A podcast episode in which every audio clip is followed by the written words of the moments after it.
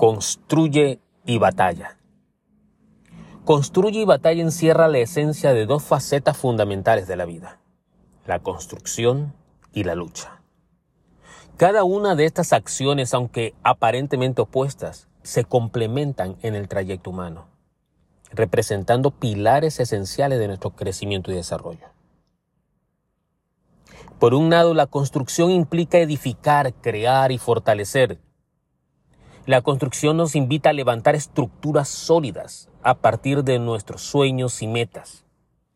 La construcción es la base sobre la cual se cimenta nuestra trayectoria, requiriendo paciencia, planificación y esfuerzo constante.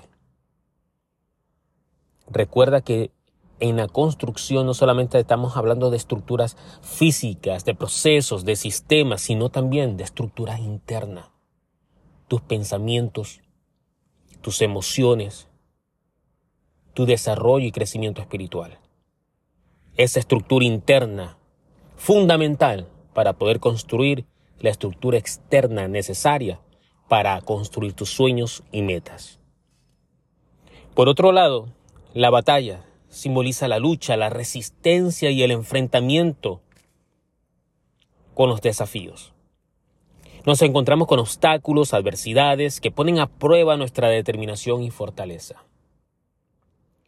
Construir y batalla nos recuerda que el progreso y el crecimiento requieren tanto la capacidad de edificar como la voluntad de enfrentar desafíos.